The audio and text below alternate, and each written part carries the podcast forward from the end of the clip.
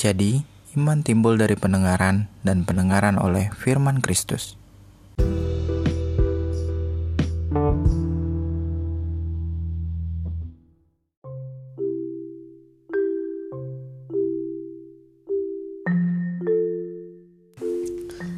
Sebagai pengikut Kristus, kita tentu sadar bahwa kita adalah seorang manusia roh yang memiliki jiwa dan tinggal dalam sebuah tubuh. Dari konsep tersebut, kita mengerti bahwa bagian paling penting dari diri kita adalah roh itu sendiri, sebab rohlah yang menjadi landasan hubungan kita dengan Allah. Firman Tuhan dalam Yohanes 4 ayat 24 berkata, Allah itu roh. Roh yang ada di dalam kita bisa diibaratkan sebagai sebuah benih pada awalnya, yang jika kita pelihara dengan baik dan diberi makan, akan bertumbuh menjadi besar atau dewasa. Roh yang besar atau dewasa memiliki banyak sekali keuntungan bagi hidup kita, karena roh yang besar pasti kuat, dan roh yang kuat mampu dengan penuh mengendalikan jiwa dan tubuh kita menjaga keseluruhan entitas diri kita untuk sejalan dengan apa yang menjadi kehendak Tuhan, sehingga menjauhkan kita dari hal-hal yang akan mencelakakan kita pada akhirnya. Namun, perlu diwaspadai bahwa tidak selamanya pertumbuhan itu baik. Ketika sesuatu bertumbuh dengan tidak benar atau tidak sewajarnya, maka hal ini akan menjadi sia-sia dan tidak memberikan manfaat yang terbaik. Lalu dari mana kita tahu bahwa roh kita memiliki pertumbuhan yang benar? Layaknya pohon di dunia, tanda bahwa roh kita bertumbuh dengan benar adalah ketika roh kita menghasilkan buah yang baik. Apa saja buah-buah baik yang dapat dihasilkan oleh roh kita? Firman Tuhan dalam Galatia 5 ayat 22 dan 23 mengatakan, Buah roh ialah kasih, sukacita, damai sejahtera, kesabaran, kemurahan, kebaikan, kesetiaan, kelemah lembutan, penguasaan diri.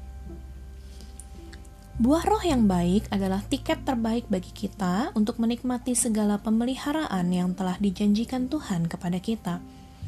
Tuhan Yesus berkata dalam Matius 7 ayat 19, Sebab setiap pohon yang tidak menghasilkan buah yang baik pasti ditebang dan dibuang ke dalam api kita perlu berhati-hati untuk tidak salah mengevaluasi buah yang kita hasilkan, karena standar baik sebagai ukuran kualitas yang Tuhan berikan sebagai dasar adalah universal.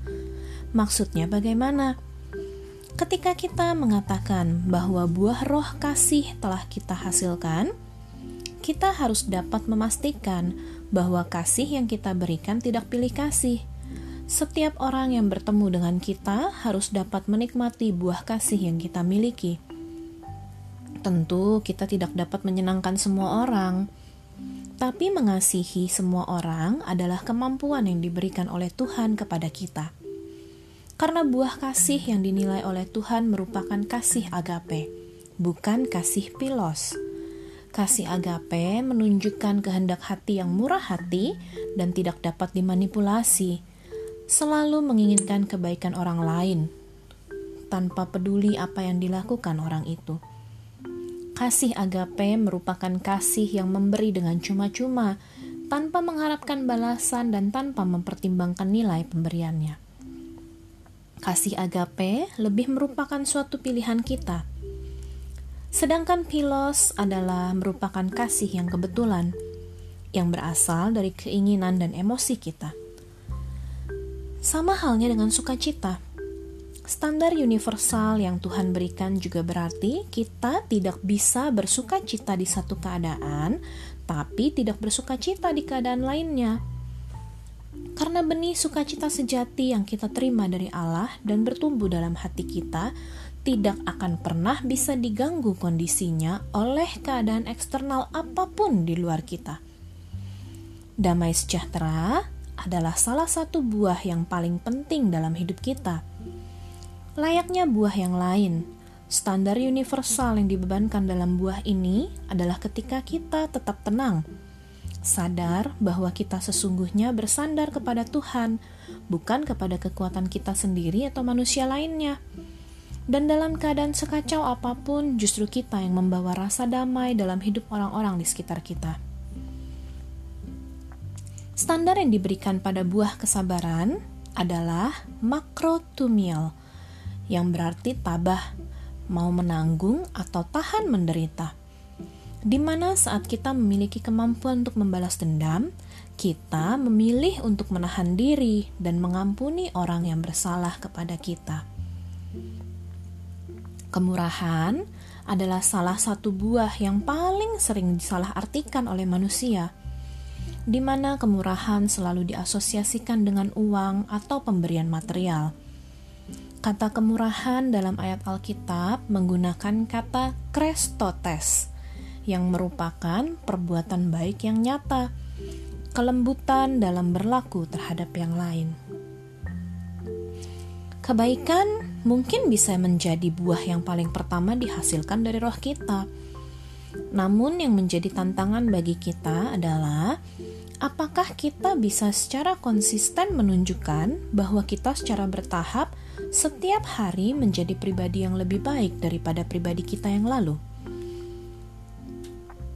Kesetiaan sebagai pertanda komitmen dan dedikasi kita kepada sesuatu, khususnya Allah, pasangan, otoritas yang telah Tuhan tetapkan atas kita, dan janji-janji yang pernah kita ucapkan. Kesetiaan merupakan salah satu buah yang perlu melewati ujian paling berat, yaitu waktu.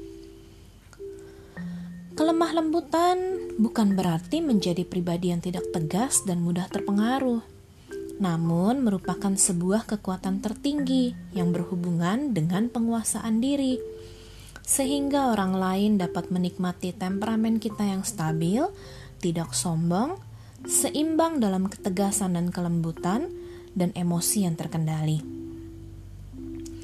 Buah yang terakhir yaitu penguasaan diri, Buah ini sebagai buah terpenting yang memampukan kita untuk menghasilkan buah-buah lainnya dengan kualitas baik, seperti yang Tuhan inginkan. Buah ini adalah bukti bahwa kita telah mampu mengendalikan diri kita secara penuh dalam kondisi apa pun dan mencapai konsistensi penuh atas setiap komitmen kita dan perilaku kita. Buah inilah yang menjadikan kita tanpa cacat celah di hadapan Tuhan. Ketika setiap buah tersebut dapat dinikmati oleh semua orang, barulah kita menghidupi ayat Mazmur 1 ayat 3. Ia seperti pohon yang ditanam di tepi aliran air yang menghasilkan buahnya pada musimnya dan yang tidak layu daunnya, apa saja yang diperbuatnya berhasil. Jika buah yang kita hasilkan sudah baik adanya, lalu bagaimana caranya menjaga kualitas buah ini agar tetap baik? Hanya ada satu cara yang Tuhan Yesus ajarkan kepada kita dalam Yohanes 15 ayat 1 sampai 5. Akulah pokok anggur yang benar dan Bapakulah penguasanya. Setiap ranting padaku yang tidak berbuah dipotongnya dan setiap ranting yang berbuah dibersihkannya supaya ia lebih banyak berbuah. Kamu memang sudah bersih karena firman yang telah kukatakan kepadamu. Tinggallah di dalam aku dan aku di dalam kamu sama seperti ranting yang tidak dapat berbuah dari dirinya sendiri kalau ia tidak tinggal pada pokok anggur. Demikian juga kamu tidak berbuah jikalau kamu tidak tinggal di dalam aku. Akulah pokok anggur dan kamulah ranting-rantingnya. Barang siapa tinggal di dalam aku dan aku di dalam dia, ia berbuah banyak. Sebab di luar aku kamu tidak dapat berbuat apa-apa. Mari kita secara berkala mengevaluasi buah-buah yang kita hasilkan sebelum tiba saatnya ujian terakhir yang dilaksanakan oleh Bapa di sorga. Tuhan Yesus memberkati.